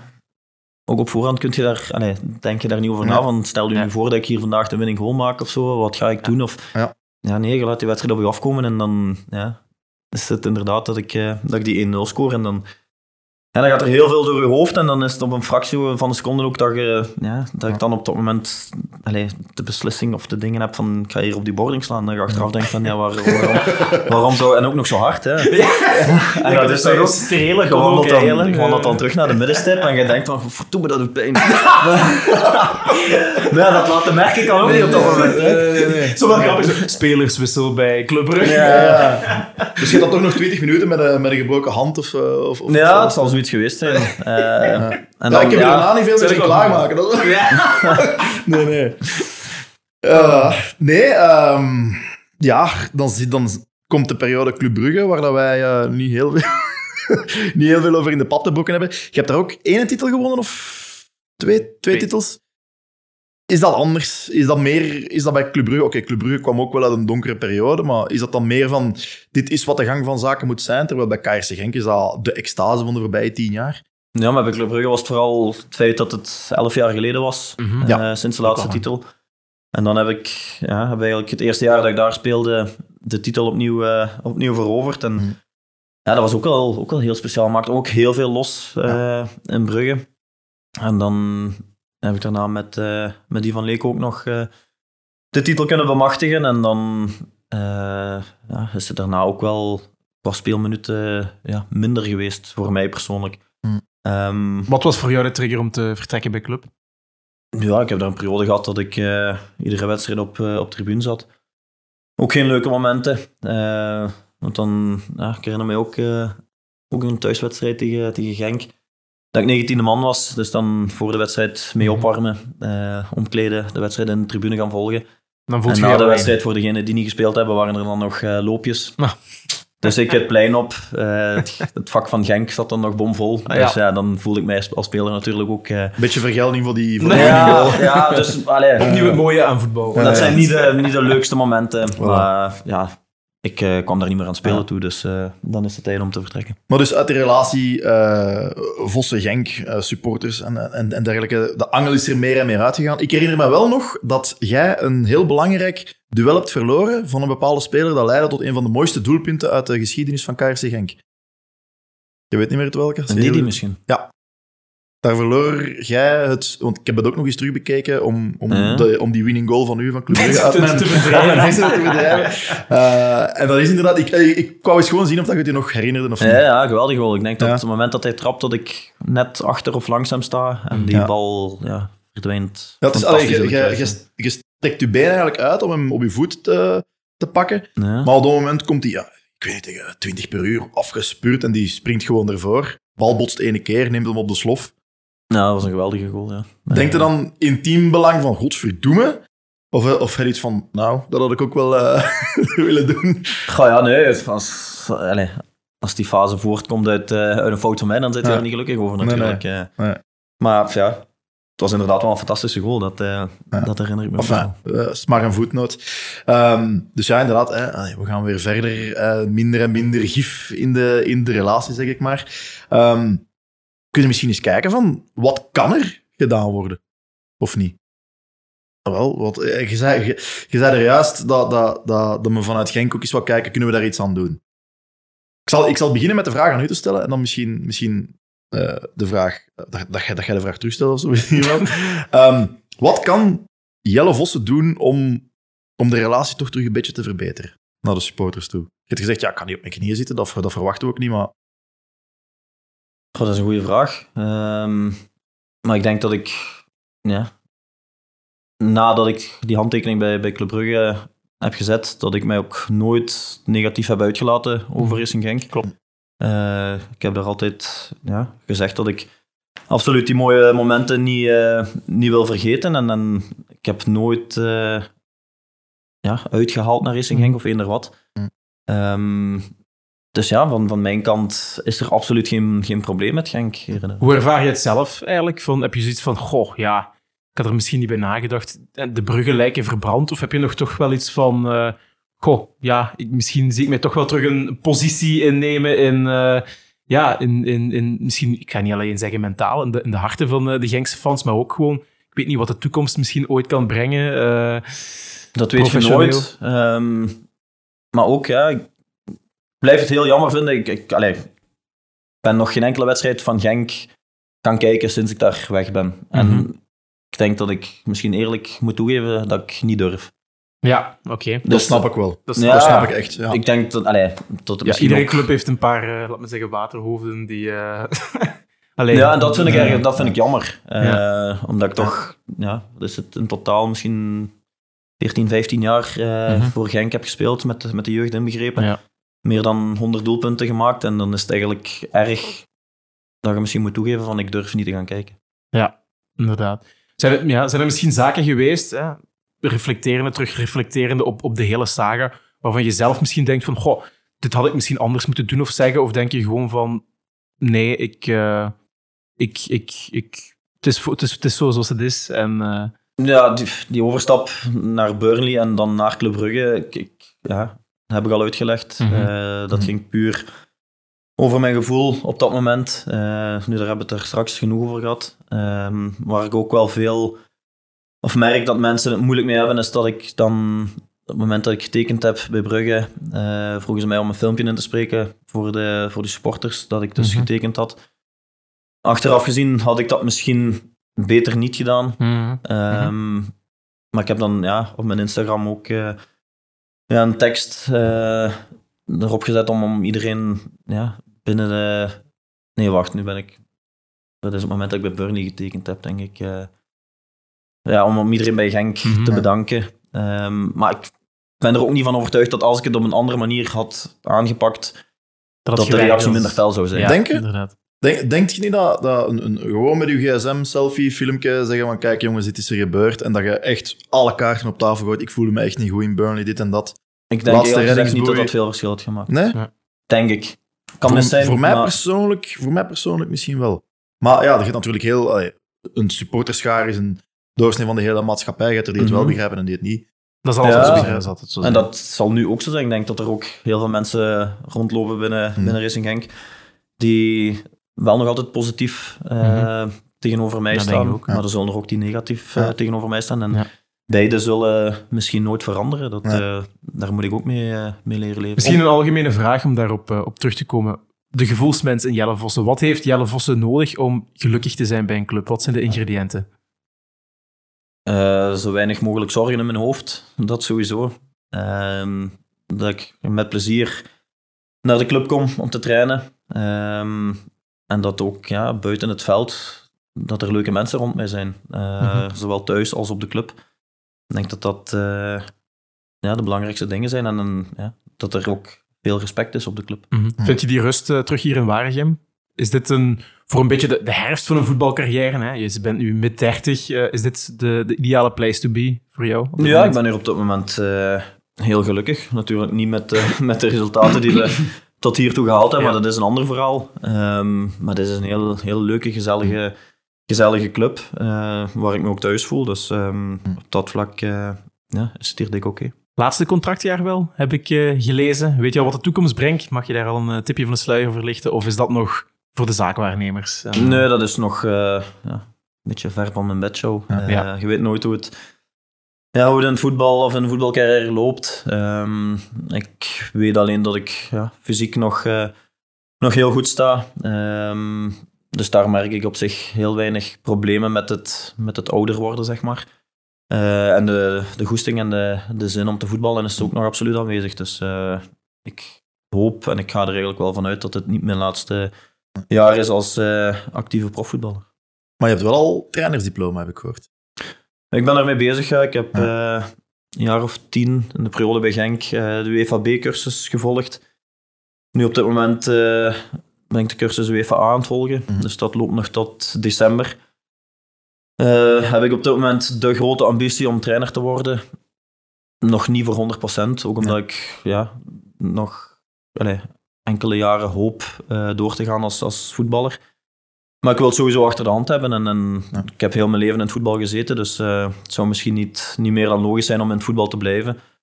Maar wie weet zeg ik over twee jaar van ik ga helemaal iets anders doen. Dus Ja. eh, ik wil het gewoon achter de hand hebben en dan, dan zien we wel. Een eh, trainersfunctie bij de U18 of Jong Genk binnen een paar jaar. Mogen ze daarvoor eh, opbellen? Eh, dus ja, iedereen mag mij altijd opbellen. Dus eh, ik zeg, het is heel moeilijk om daar op dit moment... Dan ga je wel terug een appartementje in Bilzen of Genk moeten nemen. ik.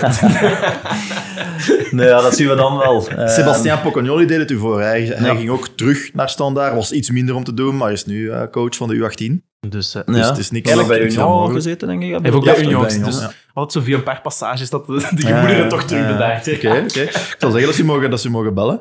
Ehm, ik ga de vraag gewoon nog terugstellen. Wat kunnen de supporters voor Jelle Vossen doen om te tonen dat ze, of dat toch een deel ervan, de strijdbijl wil, wil begraven en het gewoon achter ons laten?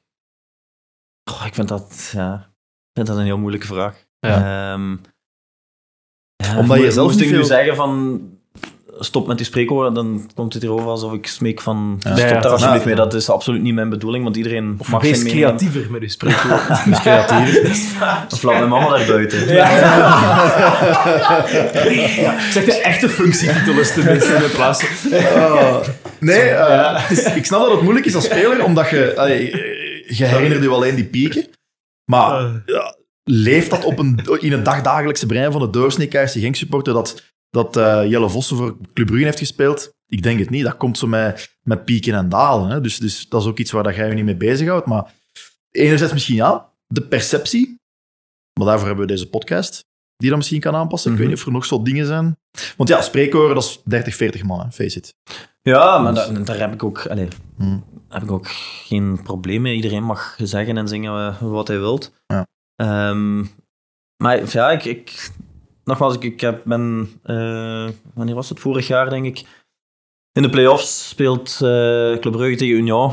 Hebben ze mij uit, uitgenodigd om de aftrap te geven. Eh, ja. fantastisch. Het was eigenlijk de match van het seizoen. Ja. Samen met Michel Predom en Timmy Simons. Mhm. Dus ik vond dat ja, eigenlijk een fantastische eer. Ja. En als je dan bekijkt hoeveel wedstrijden ik voor Club Brugge gespeeld heb, eigenlijk, hoeveel Mhm. doelpunten ik daarvoor gemaakt heb, en je vergelijkt dat met, met de wedstrijden en doelpunten voor Genk, ja, dan is daar gewoon een heel groot verschil. Ja. Maar dan is de, ja, het respect op dit moment bij Club Brugge naar Jelle Vos toe veel groter Mhm. dan vanuit Genk. Eerlijk, Jelle, dat is nu ook niet moeilijk. Er, ergens, hè. De, de, de, de overstap van Club Brugge naar Zulte Waregem was natuurlijk anders. Je gaat altijd natuurlijk het deel van die perceptie bij de Genk supporters tegen hebben. Een deel, als je bij ons de aftrap komt geven... Nee, maar dat, vraag zal- ik ook niet. Hè. Laat dat duidelijk ja, Dat is niet mijn vraag, hè. helemaal niet. maar maar dus dat geeft wel het- aan. Ja, maar ik, ik heb het gewoon over het verschil. Ik heb veel minder matchen voor Club Brugge gespeeld, veel minder doelpunten waar, gemaakt. Ja, ja, ja. Maar daar ja, is de perceptie gewoon... Dat wat, Ja. dat wat anders. logischer zou zijn, als we gevoelens aan de kant laten, zou jij Ja. eigenlijk gewoon die, Nou, aftrap bij Racing Genk hebben moeten geven op basis ja, van maar daarvoor is er, is er te veel gebeurd. Dus dat, ja, Ja. dat is dan ja. ook weer... eh, Zullen we misschien eens beginnen dat we, dat we, dat we Pierre Denieren u laten uitnodigen in het stadion en dat jij, want ik vind dat wel oprecht erg, dat jij niet durft om een wedstrijd in Genk te komen ik snap het wel, maar ik vind dat wel... naar mijn hoofd krijgen. Ja. Ja. Heeft wel een leuke avond worden, zeker. Dus, eh, allee. Nu, voor kan zou je ik het direct doen. Eh, Ja. een schitterende kerel. Ja. Ja, want, Eh, want hoe is dat, is dat contact dan ook verwaterd met eh, bepaalde mensen binnen de club waar je, die, die, die je nou hard toedraagt? Ja, gewoon omdat je niet meer zo vaak... ja, het is niet dat we wekelijks bellen, absoluut Ja, ja. niet. Eh, maar als ik, als ik de mensen van het bestuur eh, hier zie na een wedstrijd van ons tegen. Genk, dan is dat allemaal heel, eh, heel hartelijk en dan is er absoluut geen probleem. Theo, misschien is het eens leuk om de doorsteek te maken naar de supportersvragen. Ja, er zijn Eh, nog Want eh, die zijn bij supporters, Bosjes gekomen en eh, ja, er zaten heel constructieve, constructieve vragen bij. Ehm, ik ga er gewoon enkele willekeurig eh, gaan uitpikken, want het zijn er zoveel. Eh, je hebt alle records doen sneuvelen. Eh, ik denk dat je samen het... eh, allee, dat je samen in balans ligt met, eh met Pierre Denier qua vragen die we Mhm. gekregen hebben.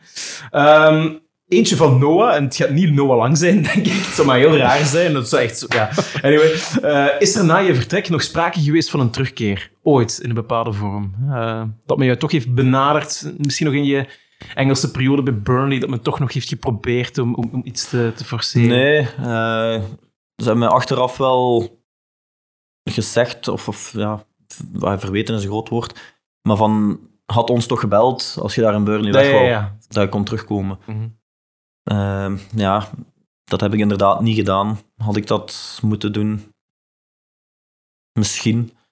Ehm, maar dat is ook het enige geweest. Daarna is er Mhm. nooit eh, contact geweest of zo over een eh, eventuele terugkeer. Er was wel één jaar een gerucht, dat weet ik nog. Maar ja, hoe juist dat dat gerucht is, ligt niet maar dat er gesproken zou worden over een terugkeer. En dat je, Mhm. ik weet niet hoeveel jaar geleden dat is, ik denk dat dat intussen toch al drie jaar geleden is. Nou, dat En eigenlijk dan- niet iedereen stond daar weigerachtig tegenover. Ja. Maar ik denk dat het echt een gerucht is geweest. Ik heb Ja. daar zelf nooit, eh, Ja. nooit iets van geweten. Een andere vraag eh, van iemand met de ronkende naam Matteo, ook een notoire eh, forumlid eh, bij Blauw-Wit, heeft een redelijk algemene vraag eigenlijk. Ja, die heisa, wat er toen gebeurd is, leeft dat ook, eh, en de transfers, of die rivaliteit, ook onder spelers in de kleedkamer? Komt dat ter sprake of eh, is dat gewoon een ver van eh, mijn bedshow daar? Eh, nee, er wordt eigenlijk ja, heel weinig over gepraat. Ehm, ook ja, die wedstrijden tegen Genk, iedereen wist wel dat er... Ja, of die eerste wedstrijden tegen Genk met Ja. Club Brugge, iedereen wist wel dat er daar iets, iets stond te gebeuren. Mhm. Maar er is eigenlijk niemand die daar op voorhand eh, Ja. tegen mij over begonnen is. Of, uh... Zijn er geen spelers van, uh, van Genk geweest of zo die, die jou dat verweten hebben? Of nee. dat is ook allemaal... Uh... Nee, eigenlijk niet. Ja. Dus nee, dat is ja, focus op, op die wedstrijd en ja, die randzaken, daar, daar hebben we het eigenlijk nooit over gehad. Nee. Je mocht zijn tweede vraag ook stellen. Hè? Wat hè? Ik, uh, ah, hij heeft, heeft, heeft, twee vragen gesteld. Okay, ik, heb, ik, heb, ik, heb, de tweede hier staan. Hij wil weten of de vrouwen in Borough en Burnley echt zo lelijk zijn als de legendes vertellen. nee, maar dat is wel, we hebben daar... Uh... Nee, nee, nee. Ergens uh, DJ gespeeld. Uh... Nee, je hebt zo de, de Christmas party, wat in Engelse clubs uh, een traditie is. Dus in de maand december ja, gaan de spelers een keer op stap. En wij met Middlesbrough gingen naar, naar Newcastle. En dat is, ja, dat is dus waanzinnig. Je ziet daar ja, vrouwen van 14, 15 jaar. Ja, je moet de kleren zoeken. Echt, ja, nee, echt waanzinnig, maar echt ja, marginaal. Niet, ja, niet normaal. en bier drinken tot ze op de grond liggen en dan nog verder drinken. Echt, ja, gelijk het op tv, uh, gelijk het op tv voorgesteld wordt. En dat heb ik daar in real life gezien. Dat echt was, de Jordy Shore, of wat is het, uh, van nabij echt, mogen... echt erover. Uh, Ja, ik wist niet dat dat in het, in het echte leven zo ver ging, maar blijkbaar dus wel. En dan waren er nog maar de feestjes met de wax van Burnley of wat? Nee, nee, nee. Zou heel fout zijn. Zo zitten tabloids erop, Theo, dus uh, doe maar rustig. Uh, een volgende vraag is, ja, misschien toch wel een, een hele pittige, en we gaan je daar zeker niet bij, bij corneren, maar komt van iemand met het alias Spy. als je in je carrière maar voor één Belgische club had mogen spelen, had je dan voor Genk gekozen of voor Brugge?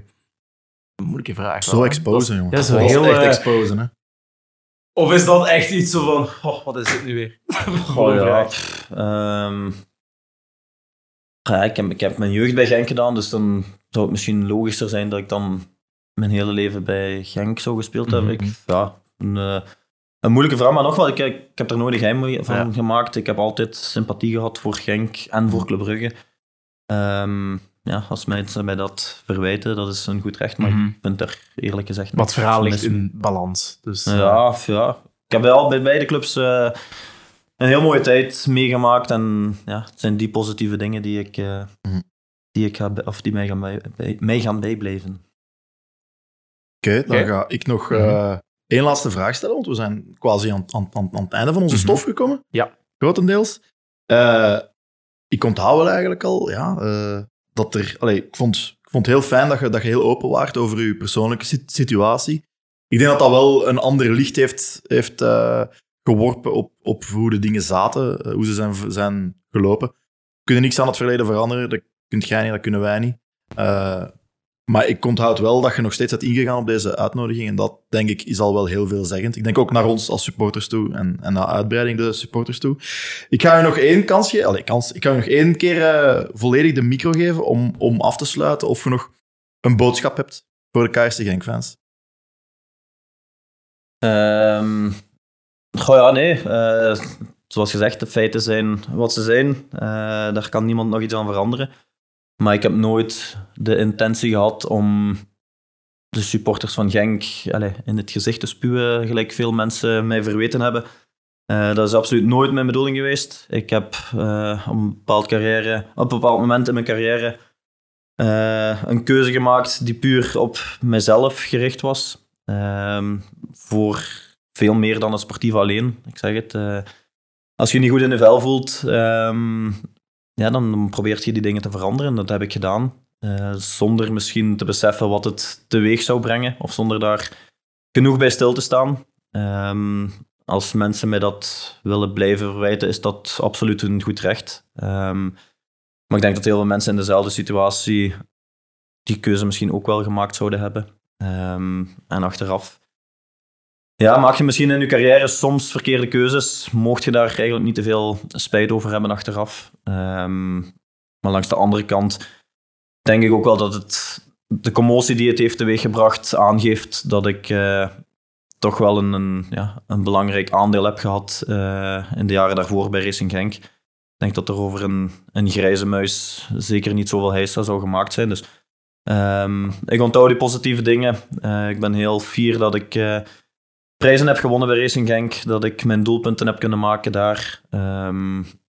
dus ja, langs mijn kant niks dan, dan positieve dingen over, uh, over mijn periode bij Genk. En eh, nogmaals, iedereen mag zijn mening hebben. Ehm, dus ja, ik Maar laat, dat daarbij... eh, laat de fierheid en het positivisme ja, absoluut. Ik ben, uiteindelijk ik ben een positief mens en ik hoop dat veel mensen eh, dat ook doen. Eh, ik zal niet zeggen dat, dat iedereen dat gaat doen na deze, na deze aflevering. Ehm, maar ik kan niet meer doen dan gewoon eerlijk vertellen wat er, eh, wat er gebeurd is. En ja, dat is eh, het enige wat ik kan doen. Ja.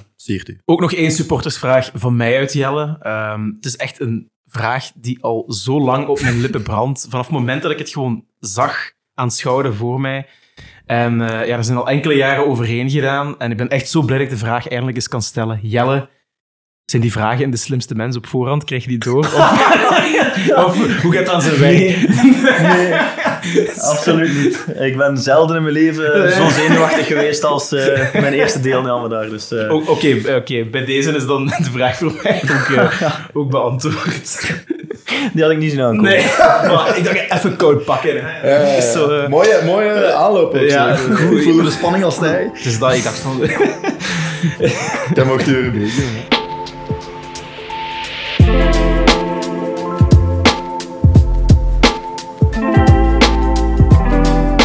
Doen. Jelle, we gaan even doorschaatsen naar eh, de laatste, maar ook mijn favoriete rubriek. Ik vraag altijd aan onze eh, centrale gast wat zijn of haar mm, misschien niet favoriete nummer is, maar wel een nummer is dat hij of zij altijd zal blijven associëren met Racing Genk. Dat kan van alles zijn. Dat kan iets in de vorm zijn van wat in de kleedkamer gespeeld werd, tot iets wat je eh, in de auto opzette naar het stadion.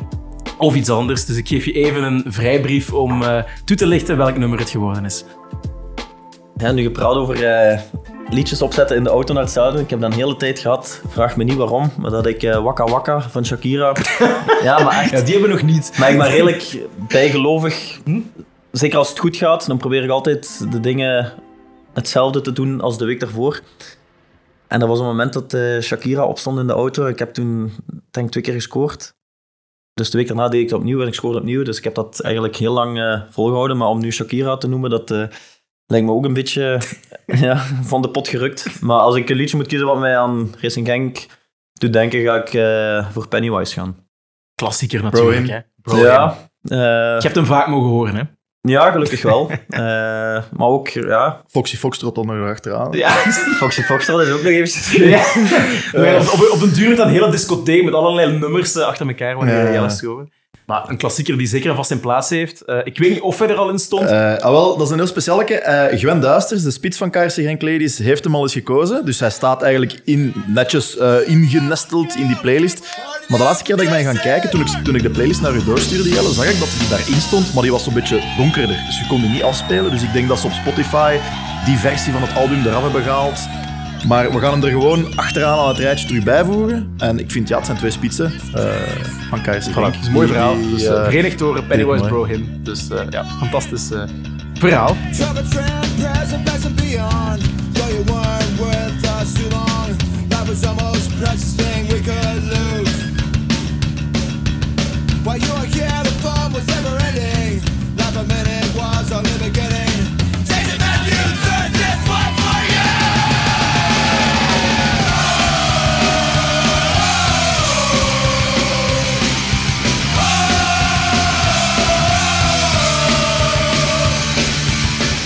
En dan maakt dat we helemaal rond zijn. Ik ga het andersom zeggen. En dan zijn we helemaal rond. Dat zijn vast, eh, dat zijn vast uitdrukken.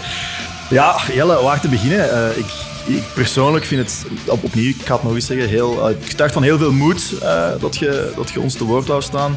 Maar ook wel van heel veel goede wil.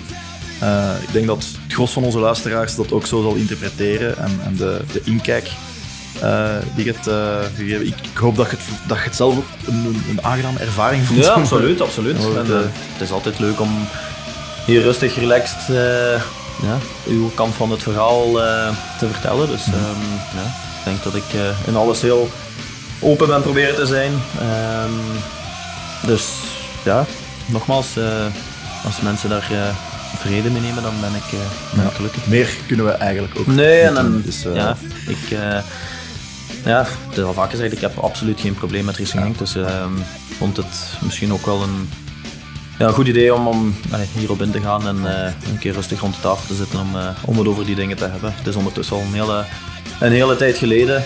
Ehm, Maar misschien... Ja. Misschien kunnen nu wel enkele duizenden mensen het makkelijker een plaats geven. En op die Dat manier wel, ja.